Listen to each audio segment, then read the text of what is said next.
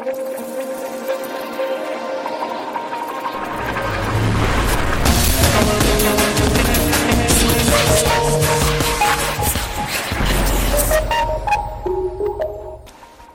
witam Cię w pierwszym odcinku podcastu Okiem Amatora. W tym odcinku mój gość opowie o tym, jak funkcjonuje klub triatlonowy, opowie o treningu, a także o tym, dlaczego czasami warto trochę zwolnić i nie dać się zatracić w tej całej zabawie. Jeżeli taka forma Wam się spodoba, na pewno będą kolejne odcinki. A tymczasem zapraszam do wysłuchania mojej rozmowy z prezesem, założycielem i co najważniejsze głównym trenerem klubu Kuźnia Triatlonu Rafałem Pierścieniakiem. Cześć Rafał. Cześć Andrzej. Witaj. Słuchaj, chciałbym Cię dzisiaj zapytać o parę rzeczy na temat triatlonu, na temat kuźni, ale najpierw zaczniemy od e, takiego tematu. Opowiedz troszkę o sobie, to znaczy mm, o Twojej karierze zawodniczej przede wszystkim. E, to tak, wcześniej e, zajmowałem się powiedzmy wyczynowo triatlonem, a, w ogóle zaczęło się od pięcioboju nowoczesnego. E, jako dziecko, kiedy miałem mniejszy wybór, mama mnie posłała do szkoły sportowej, to była sekcja pięcioboju nowoczesnego. Składało się to wtedy głównie z pływania, biegania i strzelania. No i przez jakieś 3 lata w podstawówce tam trwała moja przygoda. Po 3 latach, może nawet chyba 4-5, przyszedł mój pierwszy trener Cezary Figurski, który wyłowił sobie kilka osób z sekcji pięcioboju, z sekcji pływania i zaczął się nimi tam dalej e, pielęgnować. No i w ten sposób e, w ogóle pierwszy raz usłyszałem o triatlonie. Wtedy jeszcze był taki czas, że e, musiałem sprawdzić dokładnie co to jest, a jedyne co mi do głowy przychodziło to, to właśnie jakaś tam myśl z Ironmanem, że to bardzo dużo kilometrów i, i nie wiadomo co to dalej będzie, także też byłem pełen obaw przed tym, no ale później oczywiście jak to się zaczynało wszystko od takich krótszych dystansów, to, e, to, to spokojnie dało, dało radę to wszystko pogodzić. No jeżeli chodzi o moją karierę zawodniczą, to tak wszystko na poważnie się zaczyna mniej więcej w wieku 15-16 lat. E, wtedy już tak poważniej i zawodnik jest przede wszystkim świadomy, bo wcześniej tak naprawdę sterują albo rodzice, albo przyjaciele i otoczenie, a później zaczyna się samemu dokonywać wyborów.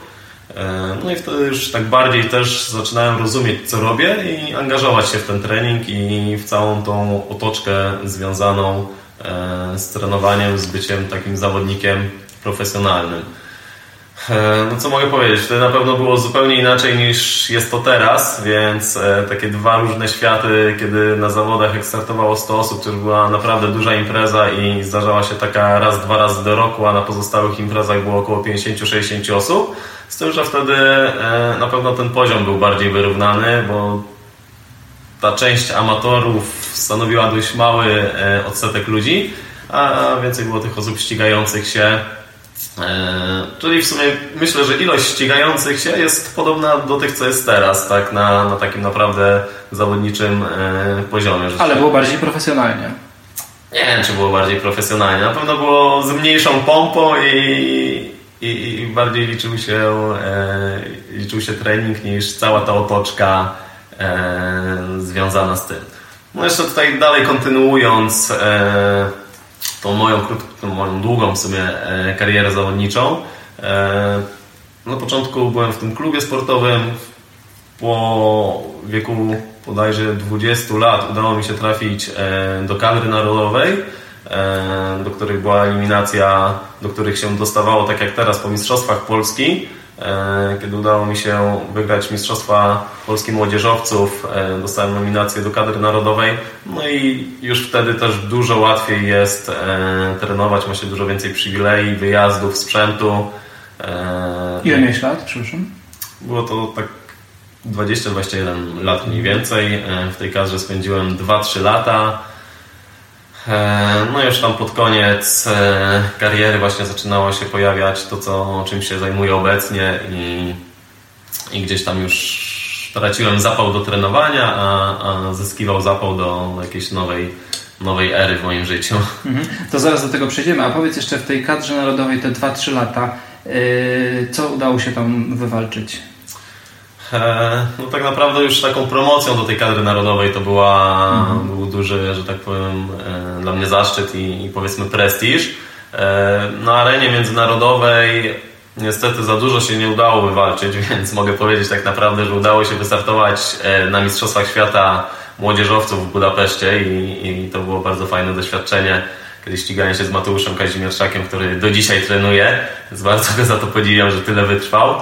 E, startowałem też z Mateuszem na Mistrzostwach Świata Sztafet w Lozannie.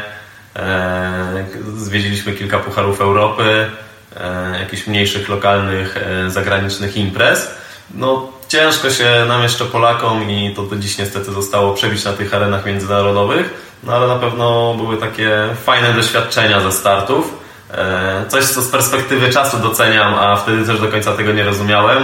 Startowałem na zaproszenie, powiedzmy, dzięki Markowi Jaskółce, czy inni Polacy tam startowali na, na jednych z zawodów w Niemczech, gdzie, gdzie rywalizowałem na jednej linii z Danielem Ungerem, to był wczesny mistrz świata i taka wschodząca gwiazda niemiecka, Jan Frodeno, który teraz święci sukcesy, więc też było takie fajne stanąć z nimi, E, tam była naprawdę garstka ludzi, bo to były takie pokazowe zawody, e, pływanie na basenie, bieg prowadził po galerii handlowej, takie wszystko e, śmiesznie wyglądające, ale naprawdę fajnie, fajnie zrobione. Nie, to były takie zawody, które tak doceniam z perspektywy czasu, że fajnie było tam się ścigać i teraz tych ludzi dalej obserwować, jak walczą. Super, super, dobra. Wspomniałeś na początku tej odpowiedzi, że po kadrze narodowej straciłeś troszkę zapał do trenowania i, i, i wpadłeś gdzieś tam na inny pomysł. Skąd ten pomysł się wziął, żeby organizować swoją drużynę? Eee, no tak naprawdę to zaczęło się wszystko od tego, że tych treningów było trochę za dużo, tego wszystkiego było trochę za dużo. Eee, no i na takim zawodniczym e, etapie albo no, musisz mieć nieskazitelnie silną psychikę, albo nie jesteś w stanie za długo na takich dużych obrotach wytrzymać. Mi się udało to zrobić do 24 roku mniej więcej, e, gdzie już wcześniej też od jakichś 6-7 lat e, trening był no, bardzo usystematyzowany, nie było żadnych odpuszczeń w urodziny, święta i inne tego typu okoliczności. Po prostu wszystko dookoła tego się kręciło. No i też było tak, że te wyniki już przestały się poprawiać, albo już nie były takie, jakich oczekiwałem. No i wtedy też z automatu ta motywacja troszeczkę siada, zaczyna szukać się czegoś innego. W międzyczasie, e, no właśnie, to co pewnie mogło mi przeszkodzić e, notabene, to rozwój amatorskiego triatlonu w Polsce, kiedy zaczęli się pojawiać e, inni chętni do uprawiania tej dyscypliny i inne osoby, które wymagały pomocy w jakichś przygotowaniach.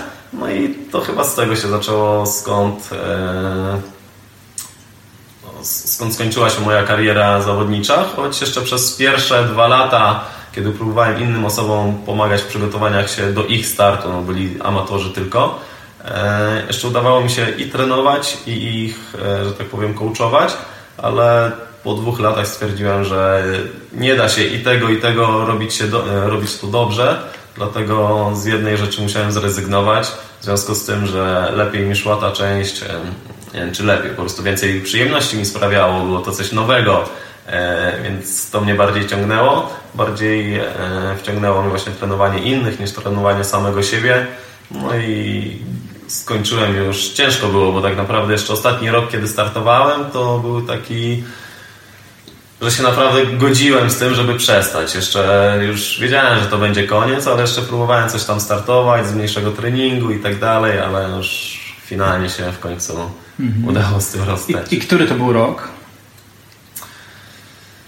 Eee, mamy teraz 2017, to był chyba 2013 rok, kiedy ostatni raz startowałem w zawodach. Mhm. Czyli 4 lata temu. Powiedz, nie brakuje Ci teraz tego współzawodnictwa? Co? Bardzo dużo osób mnie o to pyta. Tak staram się jakiś e, dobry kontrargument zawsze do tego wymyśleć, ale e, nie wiem, czy to jest do... Nie, to nie jest dobry chyba. E, nie, no nie brakuje mi, bo coś innego sprawia mi frajdę. Generalnie w życiu robimy to, co sprawia nam przyjemność i to, co jest fajne i to, co cię cieszy. Jeżeli znajdziesz sobie substytut tego, co robiłeś wcześniej, to to, to, to naprawdę możesz być dalej szczęśliwy i być zadowolony z, z tego, co robisz. No, widzę u wielu osób, które wcześniej trenowały, że są, e, że ciężko byłoby mi teraz wystartować, bo ciężko byłoby mi przejść na ten poziom amatorski. Niektórym się to udaje, mi by się chyba nie udało, dlatego miałbym za duże oczekiwania wobec siebie, więc nie potrafiłbym tak e, na pół gwizdka czy na trzy czwarte trenować i przygotowywać się do tych zawodów. Musiałbym sobie postawić jakieś bardzo ambitne cele, które wymagałyby bardzo dużo czasu i, i poświęceń, a sam nie wiem, czy bym był dalej na, gotowy na takie wyzwania. Okej. Okay. E, to już też po części odpowiedziałeś na moje kolejne pytanie, ale mimo wszystko je zadam. Mm, czy ten pomysł z założeniem mm, kuźni triatlonu to był pomysł bardziej na biznes, czy pomysł na realizowanie jakiejś swojej pasji? Mm, no zdecydowanie na realizowanie pasji. No w ogóle na początku to i to nawet nie no na początku rozumiem przez jakieś pierwsze dwa lata to było takie raczej e, koleżeńskie, bym powiedział, wspomaganie innych osób. E, przy takiej pracy od razu widzisz efekt. To, to jest bardzo fajne, że dosłownie po miesiącu, a już na pewno po, po całym sezonie przychodzi osoba, dla której abstrakcyjne jest przepłynięcie jednego basenu, a później wchodzi do jeziora, płynie 1900 metrów, mówi, e, jedzie 90 na rowerze i biegnie ten półmaraton. Tutaj tą połówkę przywołałem akurat, ale no coś, co jest dla niej abstrakcją, coś, co później kończy i mówi innym i no, ludzie są zaskoczeni, czy jak to można na raz wszystko zrobić. I, I, przez to, że ten efekt jest taki szybki, to jest bardzo fajnie, bardzo satysfakcjonujące. Więc na początku, jeszcze wracając do, w ogóle do pytania, to przez to, że tyle dostarczało Ci to radości i, i od razu ten efekt widziałeś, więc e, kompletnie nie, nie, nie było to rozpatrywane w e, strefie biznesu, tylko, tylko czegoś, co fajne, co fajnie działa. No wtedy też jak zaczynaliśmy tą kuźnię triatlonu, to nie było nic w Polsce, może oprócz Akademii Triatlonu, ale tym się zajmowali, że tak, to było już e, od razu nastawione na, na jakiś biznes. To nie było też takiego klubu triatlonowego. Tych triatlonistów też nie było dużo, więc ciężko było przewidzieć w ogóle, co z tym dalej się wydarzy. No, też nie mówiąc, że, że miałem wtedy 23 lata i, i ciężko mi było w ogóle myśleć o tym, że, że można traktować to jako biznes. Mhm, super, dobra. E, no dobrze, to teraz e, przejdziemy może właśnie troszkę bardziej e, na temat kuźni, czyli Twojego klubu. Mm, jak działa kuźnia triatlonu? Na czym to polega? No jesteśmy takim jedną z wielu grup triatlonowych teraz w Polsce tak naprawdę. E, działającą w Warszawie, Poznaniu i Katowicach. Skupiamy ludzi, którzy chcą się przygotować do zawodów triatlonowych. E, to, co, to na co kładziemy głównie nacisk, to, to jest atmosfera i taki team spirit.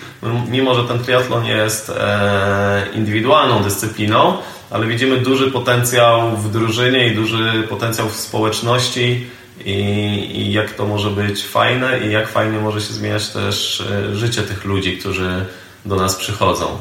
E, no więc w dużym skrócie zajmujemy się przygotowaniem ludzi do zawodów, osiąganiem, pomaganiem osiągnąć ich cel i ich cel, które sobie wcześniej wyznaczą, no ale też staramy się duży nacisk kłaść na, na taką e, fajną atmosferę, jakieś takie fajne dodatkowe, e, dodatkowe wydarzenia, które pomogą Ci e, przygotować się do tych zawodów. Czyli mówię o tym, że ciężko mieć motywację przez cały rok i, i po prostu w październiku myśleć o tym, co będzie w lipcu i jak to teraz jest ważne.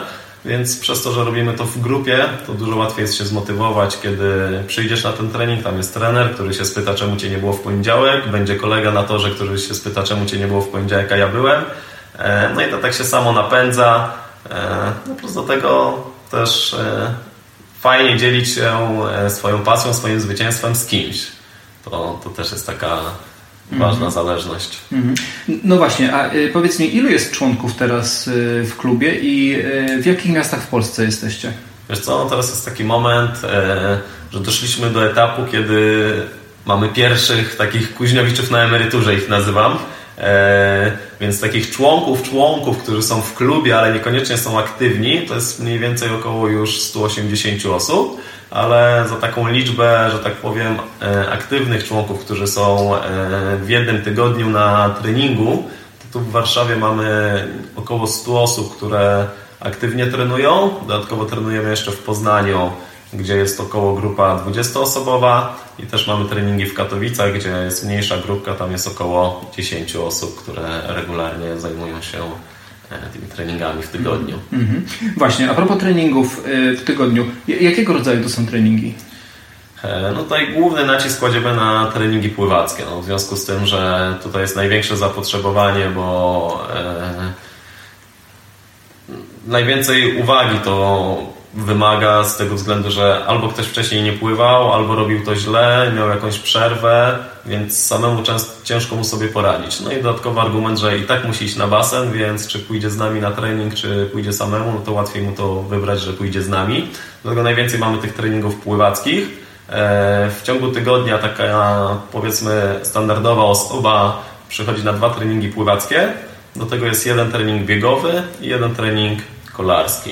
W związku z tym, że ten biegowy też spokojnie można robić sobie indywidualnie, tylko raz w tygodniu staramy się zebrać grupę. Tam też można się fajnie zmotywować, kiedy mamy podbiegi. E, jest dużo więcej adrenaliny niż robi się to samemu. Też jest taki motor napędowy, kiedy jest jakaś słaba pogoda. E, tydzień temu mega rzęsiście lało, była burza. Mimo to przyszło 20 osób, e, aż byłem też pod wrażeniem no jak można wpaść na pomysł, kiedy tak mega leje i wszyscy się chowają, biegać po łazienkach i mieć z tego fan.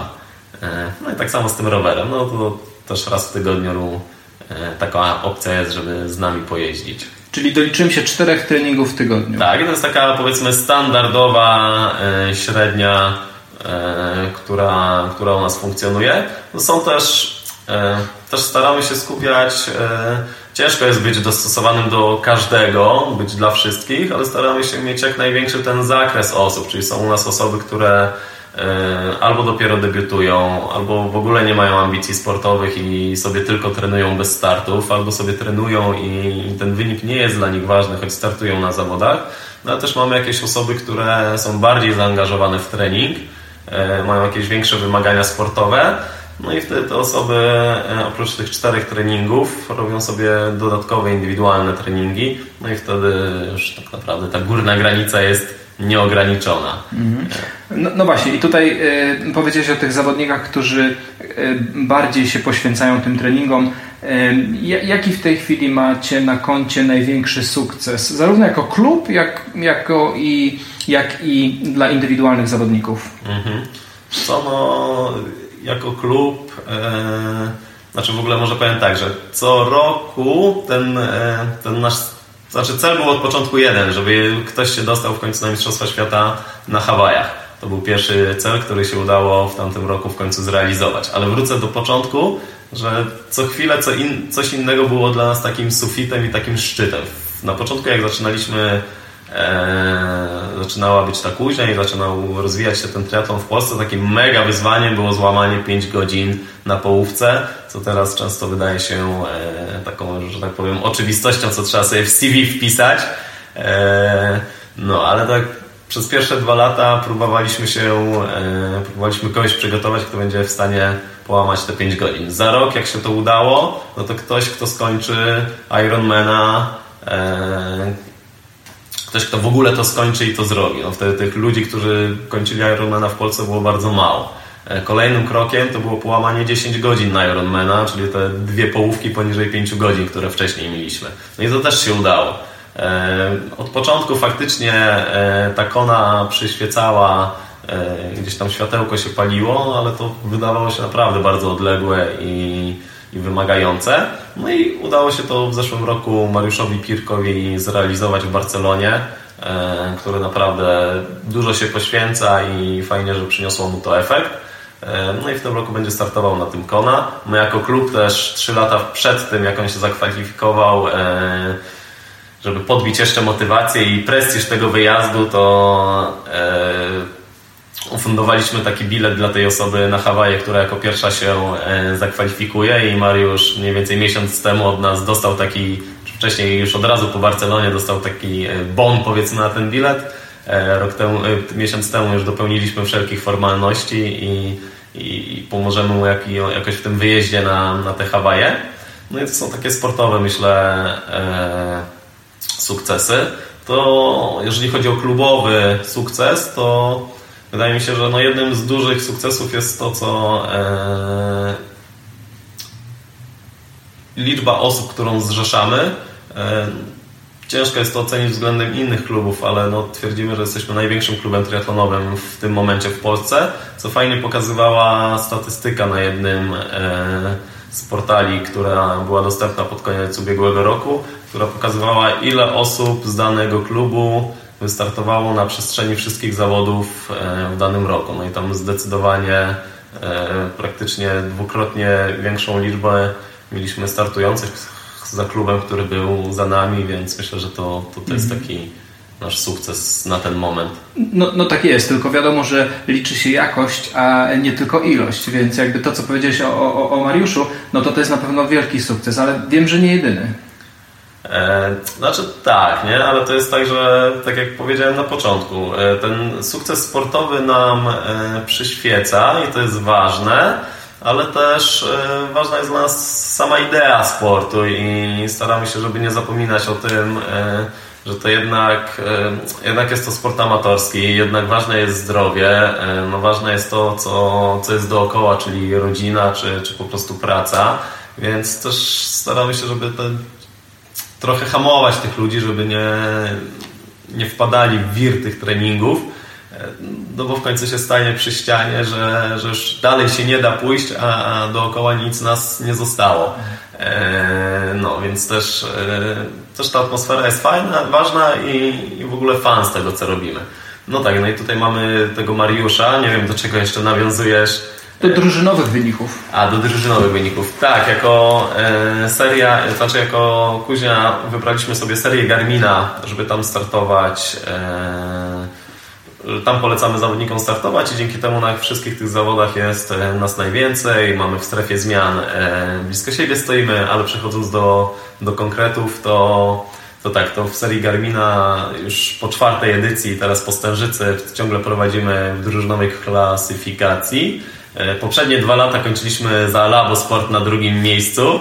Więc teraz jest bardzo duża szansa, bo została tylko jedna edycja w Płocku i to też taka edycja, w której będziemy mocno obstawieni. E, gdzie właśnie jako team. No i to jest bardzo fajne, że to co mówiłem wcześniej, że na koniec tego cyklu każdy z nas wychodzi na podium, bo każdy jest częścią tego, e, tego sukcesu. No, tak jak w sportach drużynowych ten, kto siedzi na ławce cały sezon, też dostanie ten medal za zdobycie mistrzostwa. Tutaj też jest ten medal dla każdego taki mały, każdy jest częścią tego sukcesu, bo, bo przyczynił się do, do tego, będąc tutaj i swoją obecnością. Mhm. Widzę, że faktycznie bardzo stawiasz na, mm, na ten team spirit i na, ten, e, na, na tą taką współpracę drużynową. E, czy, czy z tego rozumiem, że nie chcesz konkurować z takimi trenerami jak na przykład e, Tomasz Kowalski, który produkuje seryjnie mm, uczestników na zawodach w Kona na przykład. Aha, wiesz co, no to też jest fajna, fajna ambicja i fajna aspiracja to też staramy się. E, mi też duży, też idę za tym, co mi sprawia dużą przyjemność. Nie? I dużą przyjemność sprawia mi e, tworzenie tej grupy i jakieś gospodarowanie tą grupą i, i reagowanie na, na to, czego oni potrzebują. E, dlatego też idę w tym kierunku. E, Kona i kwalifikacje tam też, ale nie jest to, że tak powiem. E, nie jest to najwyższy cel i najważniejszy. Mhm, dobra. Powiedz jeszcze tak pokrótce, jak motywujesz swoich zawodników do pracy? Wiesz co, na każdego trzeba mieć sposób i każdy, każdego troszeczkę inaczej. Jak motywuję? No staram się stawiać jakieś takie krótkoterminowe cele. Gdzieś te zawody, które są docelowe, to one są ważne i o tym trzeba cały czas pamiętać ale, ale na przykład robimy taki test pływacki w grupie, e, nazywamy sobie go kwartalny test pływacki, robimy go co trzy miesiące. No i to jest taka krótka motywacja, e, kiedy z testu do testu e, może kimś ktoś szybciej się dowie o tym, że, że te, te, postępy, które idą są nie we właściwym kierunku, że trzeba coś inaczej porobić, że może trzeba się bardziej zaangażować i tak szybciej można kogoś otrząsnąć, więc jakimiś takimi krótkimi, krótkoterminowymi celami staram się e, w ten sposób to robić, no ale też dużo zależy od, e, od osoby i też widzę dużą różnicę pomiędzy kobietami a mężczyznami. Spokojnie na mężczyzn można krzyczeć, e, ten sposób motywować, z dziewczynami trzeba troszeczkę ostrożniej. Ja nie wiem, czy ja mam dobre, dobre sposoby, ale raczej jednak więcej rozmowy i, i przekonywania niż E, krzyk raczej szybciej prowadzi do zamknięcia e, i, i gdzieś tam zwrotu akcji niż, mhm. niż tu mężczyzn. Szczególnie, że to było trochę takie podchwytliwe pytanie, bo wiesz, do, do triatlonu chyba mimo wszystko yy, przyciągają takie osoby dosyć zmotywowane, nie? bo to jest trudna dyscyplina sportu. Trzeba mieć sporo yy, samozaparcia, sporo takiej motywacji, takiej siły wewnętrznej. Yy, więc pewnie też twoi zawodnicy sami się napędzają w pewien sposób. Tak, tak. I czasami też właśnie, no, to, to bardzo fajny e, element poruszyłeś, że czasami też służy jako hamulcowy tych emocji, że, że mało jest osób, które są idealnie wpasowane w środek, albo właśnie trzeba jakoś domotywować, ale jest też bardzo dużo osób, które trzeba hamować z tą motywacją, kiedy e, tych treningów robią za dużo i też przychodzi taki moment, że one dużo trenują i są zdziwione, że są z tego małe efekty. No, często wynika z tego względu, że już na nic innego nie znajduje czasu, brakuje tej regeneracji i, i tak naprawdę ten organizm się degeneruje, y, niszczy i nie ma z tego za dużo, za dużo jakiegoś efektu, więc to też jest ważne, żeby nie przegiąć w drugą stronę. Mhm. Dobra. Yy, powiedz mi jeszcze, jakie są plany na przyszłość dla Kuźni? Powiedziałeś około 100 osób aktywnych w Warszawie, yy, plus grupa w Poznaniu, grupa w Katowicach. Yy, co dalej? Czy chcesz kolejną setkę w Warszawie? Y, czy może kolejne miasta? A może oddziały za granicą? Wiesz co? No też często stajemy przed tym, e, przed tym pytaniem, co jeszcze można tutaj zaproponować naszym e, zawodnikom. Na pewno chyba nie chcemy zwiększać ilości trenujących u nas tutaj, głównie w Warszawie. Ważna jest dla nas ta społeczność i ta społeczność też ma ograniczone możliwości i po prostu za dużo ludzi nie pomieści, także przy tej liczbie na pewno na razie się zastopujemy i nie jest tak, że nie będziemy już nowych osób przyjmować, ale tak jak mówiłem, są już osoby, które zrealizowały wszystkie cele, które miały do zrealizowania i odchodzą na taką sportową emeryturę, powiedzmy amatorską. E, dlatego ten jakiś ruch ludzi cały czas w klubie jest, ale już nie szukamy więcej ludzi.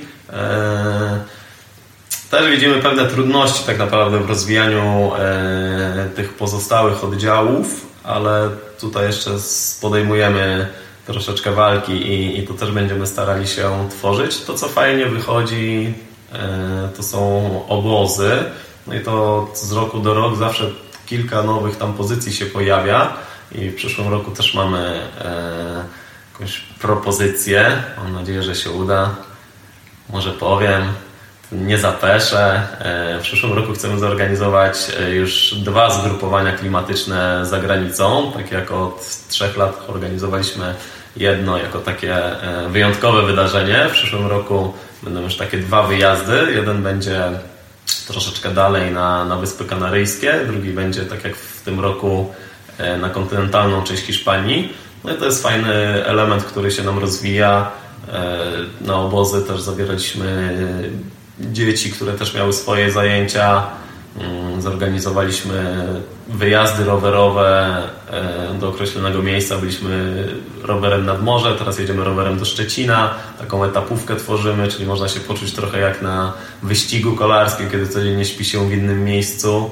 E, no ale to, co jeszcze planujemy dla... To, co jeszcze staramy się, że tak powiem, rozwijać, no, może nie rozwijać, ale tworzyć jakieś nowe nowe, fajne atrakcje dla, dla tych osób, które są z nami. No i też mamy jakąś taką, coś fajnego chcemy w przyszłym roku e, zaproponować. Taki no, challenge to będzie.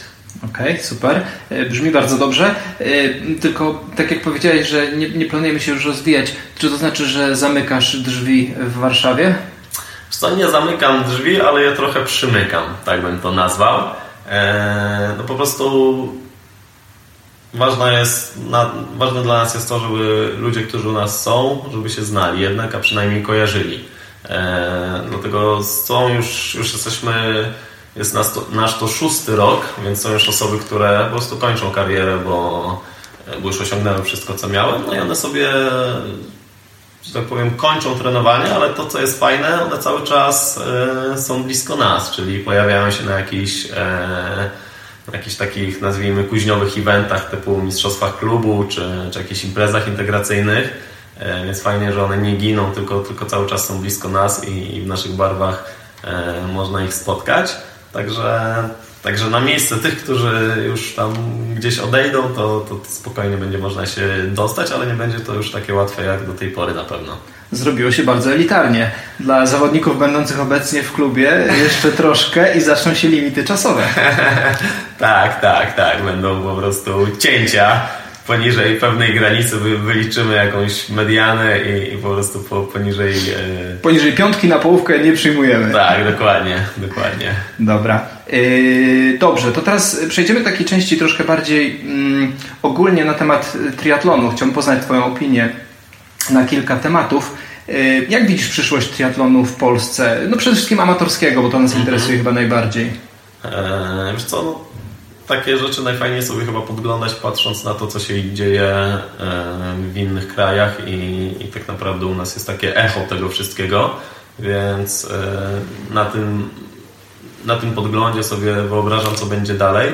E, no więc wydaje mi się, że Teraz cały czas jest delikatnie tendencja wzrostowa i tych ludzi jest coraz więcej i ciągle ich przybywa. Już jest e, zdecydowanie wyhamowanie, ten przyrost nie jest tak gwałtowny jak jeszcze dwa lata temu, no ale ta górka cały czas rośnie. E, no można się spodziewać, że, że teraz się za chwilę znajdziemy na górce. No i po bieganiu też to troszeczkę widać u nas w Polsce, że, że to bieganie wyhamowało, ale tych ludzi cały czas jest bardzo dużo. Więc e, też wydaje mi się, że że, że tych ludzi będzie cały czas dużo, którzy będą uprawiać e, starty, yy, triatlon. Tych zawodów jest coraz więcej, już nie wszystkie są takie wypełnione, listy startowe. Widzę też, że jest powoli mały taki odpływ ludzi do mniejszych imprez, gdzie, gdzie jest bardziej kameralnie. To, co widać na pewno wśród tego amatorskiego sportu, że poziom idzie niesamowicie do góry i, i z roku na rok poprawiając swoją życiówkę powiedzmy na połówce, to miejsce, które zajmujesz jest mimo to troszeczkę niższe. I też to widać na przykład, że nasi polscy amatorzy się bardzo zbliżyli do, do naszych, nazwijmy ich, e, zawodników pro i ta różnica pomiędzy nimi jest bardzo mała, czasami ci te osoby, które się 3-4 lata temu zajęły triatlonem, osiągają ten sam poziom, który, który nasi profesjonaliści, więc można się spodziewać, że E, no więcej, więcej będzie o nas słychać na, na tym amatorskim, zagranicznym też polu, a nie tylko to, to co tutaj. No wydaje mi się, że dalej będzie dużo ludzi i, i to jeszcze jakiś czas będzie fajnie się rozwijać. Okej, okay. E, dobrze. A teraz e, powiedz, czy Twoim zdaniem z każdego amatora da się zrobić dobrego zawodnika? E, wiesz co, wydaje mi się, że tak. Wydaje mi się, że tak, tylko to wymaga czasu e, i determinacji tej osoby. E, mamy w klubie taką fajną osobę, która idealnie by się do tego nadawała. Jest to osoba, którą, która 4 lata temu pierwszy raz pojechała z nami na obóz zagraniczny i tam ją poznałem. No i to była taka sytuacja, że już byłem na miejscu na Cyprze, przyleciał samolot z zawodnikami, wtedy to był ten moment, kiedy zrobienia Ironmana w klubie i, no i w ogóle w Polsce to było wow i takich osób było mało i no mniej więcej jak e, można ich porównać do Yeti, że, że wiadomo, że są, ale nie, nikt ich nie widział. No i chłopaki do mnie przychodzą i mówią, hej, tamten, on chce zrobić Ironmana, a jak on wygląda? Przecież on nie da rady, za, za, za trzy miesiące ma tego Ironmana, nie? Tak patrzę, to była, była osoba, która wskoczyła do wody, E, no, prawie można było rzucać koło ratunkowe, nie? Naprawdę opór totalny. Na rower e, najsłabsza grupa, jeszcze trochę za grupą. Na bieganiu, no, Marszowiek nie wchodził w grę. Trzy miesiące przed pełnym dystansem. Tak jest. E, no i dodatkowo oczywiście takie standardowe problemy typu lekki brzuszek, e, no w ogóle brak mięśni, e, no taki standard e, osoby, która często przychodzi. No ale była mega zdeterminowana i wtedy mi powiedziała, że będzie robić wszystko, e, dopóki nie zakwalifikuje się na Hawaje. Wtedy tamten pomysł to był w ogóle absurdalny, że no, nie zdawał sobie w ogóle sprawy, znaczy mi się tak wydawało, on sobie jednak doskonale zdawał sprawę i widzę jak rok po roku ma to wszystko fajnie ułożone, jak to się zmienia. No i idąc dalej, no zrobił tego Ironmana, zrobił go tam chyba nie wiem, w 13,5 godziny, czyli powiedzmy bardzo długo, ale zrobił. Co najlepiej w kolejnym roku znowu sobie tam robił te Ironmana, Ironmana, Ironmany. W tym roku w suszu e, z takiej osoby no i też dodam jeszcze, że ta osoba ma ponad 40 lat, więc też jest troszeczkę trudniej niż przyjdzie ktoś w wieku 30 lat. E, no i w tym roku w suszu, e, w czwartym roku treningu zrobił wynik na poziomie 4,47 E, no więc już jest, już powiedzmy, że się pojawia jakieś tam światełko e, do dalszego rozwoju, no tym bardziej jest naprawdę, naprawdę zdeterminowany. Więc e, to co ważne, to, to jest po prostu determinacja, ale ona musi być wewnętrzna, bo ja jestem w stanie kogoś motywować przez miesiąc, dwa miesiące, maksymalnie do roku, ale jak ta osoba sama nie będzie tego chciała zrobić, bo tak jak już wspominałeś, no jest tutaj dużo jednostek i te jednostki w większości tak naprawdę trzeba robić indywidualnie, no tutaj nikt Ci nie pomoże, jeżeli sam nie będziesz zmotywowany. I, i, i uważam, że, że, że, że tak, każdy może. Mhm. Czyli, czyli z tego, co mówisz, wynika, że predyspozycje są ważne, ale nie są e, najważniejsze albo nie są kluczowe. Mhm. Wiesz co, mówi się też coś takiego, że jest taki poziom, do którego każdy dojdzie, nie? Jest taka ściana, do której każdy, taki płotek powiedzmy, do którego każdy dojdzie treningiem, to jest dla każdego osiągalne. To, co później się daje, e, później jest potrzebne, no to wtedy faktycznie przydaje się trochę talentu, jakiejś e, predyspozycji, co wcześniej się robiło, no i ewentualnie innych jakichś udogodnień. I, I jaki jest ten poziom? Czy to jest właśnie 4,40 eee... na połówce? Wiesz co, kiedyś mi się wydawało, że, że 5 godzin to jest takie takie coś, co naprawdę jest w stanie zrobić każdy, ale dość dużą pracą. E, no ten poziom cały czas się trochę przesuwa, więc nie, nie wiem już, e, czy to jest to 4,45, czy to za 2 lata, za 3 lata nie będzie 4,30, ale kiedyś mi wydawało mi się, że, że, że 5 godzin. No i dalej mi się wydaje, że to jest taki poziom, e, że to jest taki wynik wymagający, że to nie jest dla każdego, ale każdy jest w stanie te 5 godzin przy, przy rozsądnym rozłożeniu tego wszystkiego w czasie, no i przede wszystkim systematycznej pracy to osiągnąć. Mhm. No dobra, a to teraz y, w takim razie, a, a, a może kluczową kwestią tutaj będzie sprzęt? Tak y, przewrotnie zapytam, może można sobie te 4,40 kupić?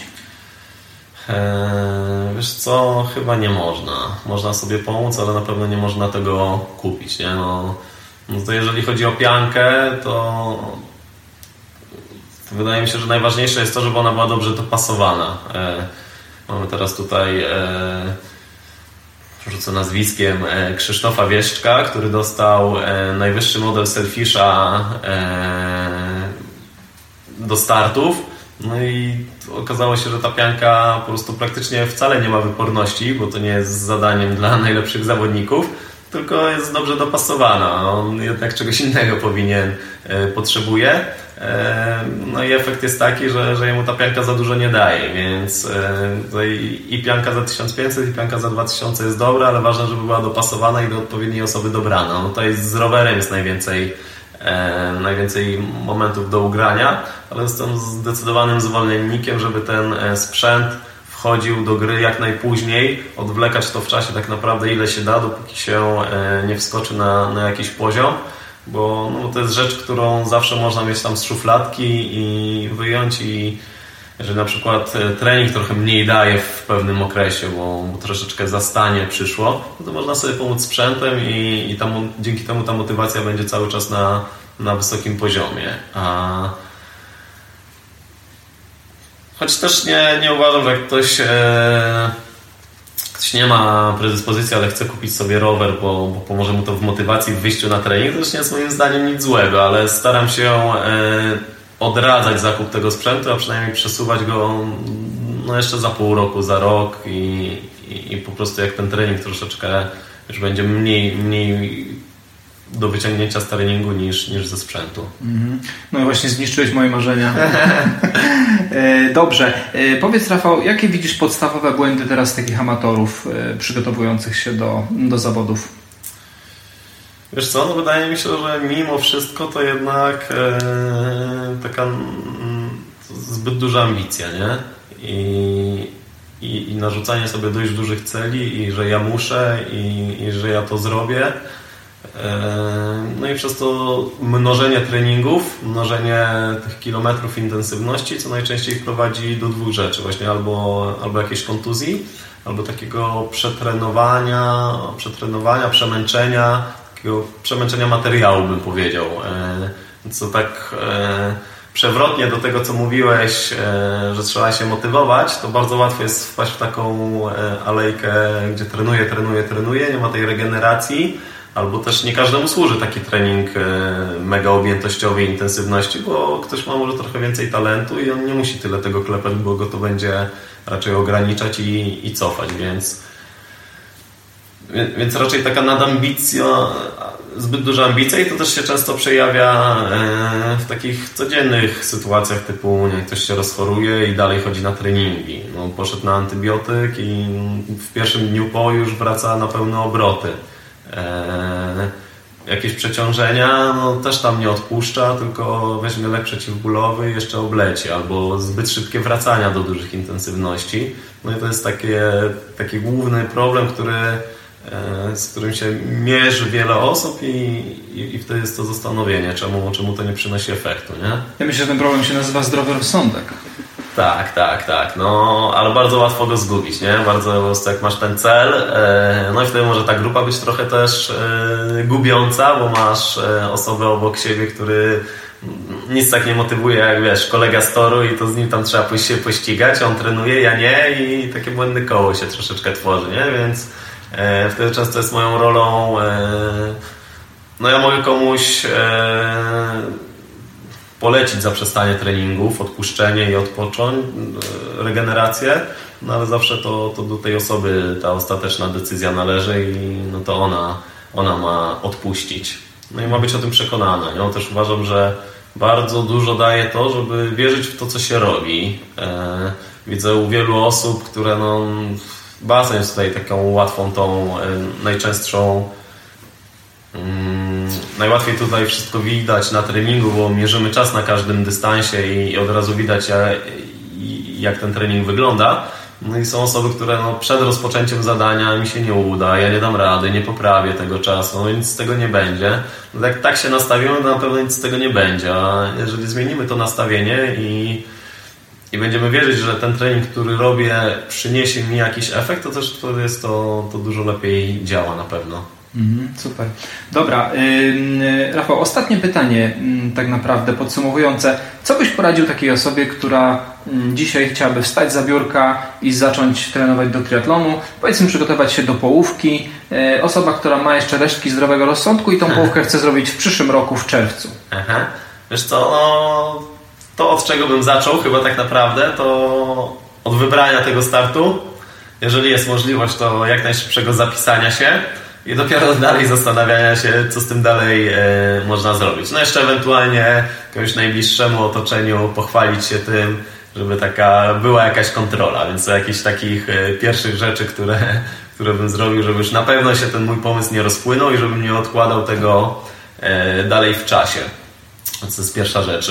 No i później zaczął się rozglądać e, no, za kimś, kto mi w tym pomoże. Jeżeli to jest taki właśnie totalny amator, który nic wcześniej nie robił, to myślę, że takie treningi grupowe, jak my prowadzimy, czy jak też inni prowadzą, to są idealnie dobrane, kiedy, kiedy będzie ta motywacja, no to i w zawodowym sporcie, no i w tym amatorskim też nie ma tak, że przez cały okres jesteśmy super zmotywowani do treningu i zawsze nam się chce, ale ważne jest to, że później na końcu jesteśmy bardzo zadowoleni z tego, że jak to było ciężko w tym marcu iść na ten basen, kiedy ten dzień był taki krótki, ale ja dałem radę i to jest bardzo fajnie budujące.